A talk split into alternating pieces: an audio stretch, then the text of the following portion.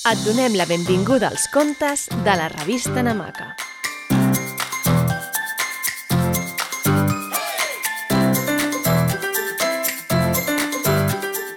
Avui t'explicarem el conte Cagadubtes Units.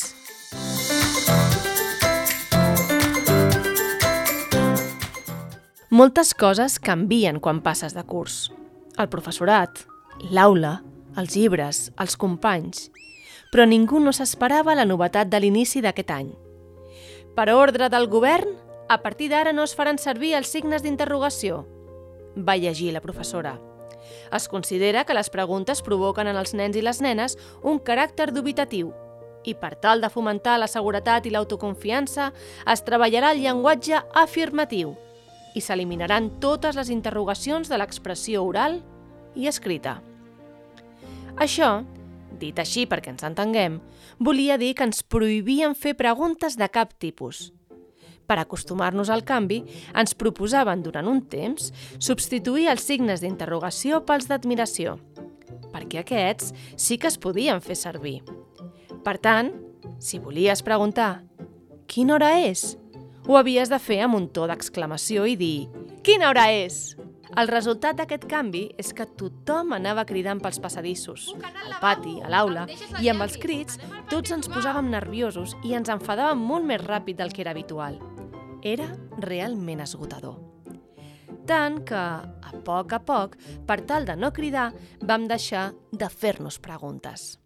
Però la curiositat és forta en els humans i un dia em vaig despertar amb el cap ple de preguntes que necessitaven una resposta urgent. Quin soroll fa la zebra? Com caguen les balenes? Les vitamines al cos s'ordenen en ordre alfabètic? Qui fa les normes? I per què les hem d'obeir? Vaig pensar que ja n'hi havia prou i vaig convocar una assemblea secreta després de l'escola. Hem de fer que tornin els signes d'interrogació!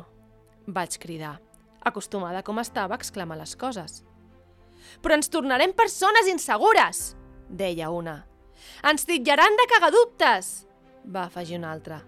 Doncs, si això és el que diran, això és el que serem, cagadubtes. Qui és amb mi? Vaig preguntar amb tota la intenció.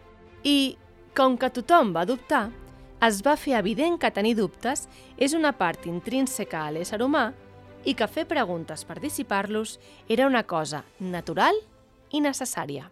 Així és com va néixer Cagadubtes Units, el nostre grup. Van començar a enganxar cartells per tota la ciutat amb signes d'interrogació i a portar samarretes amb preguntes com ara Qui som? D'on venim? Els peixos dormen? O un senzill Per què?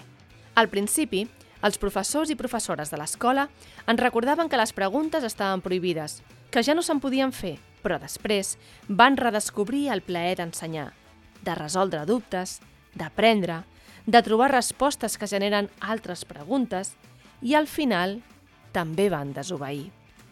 Perquè, contràriament al que deien, lluny de crear-nos inseguretat, el dubte ens havia portat el plaer de resoldre els nostres interrogants a través de noves preguntes. Així que tothom va deixar de fer cas a aquella norma estúpida que amb el temps va quedar obsoleta. Ara, els signes d'interrogació han tornat a les aules. De nou preguntem totes les coses que ens creen curiositat, dubtes, debat, conflicte, perquè com seria possible un món sense preguntes? Un conte escrit per Dora Cantero i publicat a la Namaca número 36. Descobreix més històries namaquianes a www.revistanamaca.com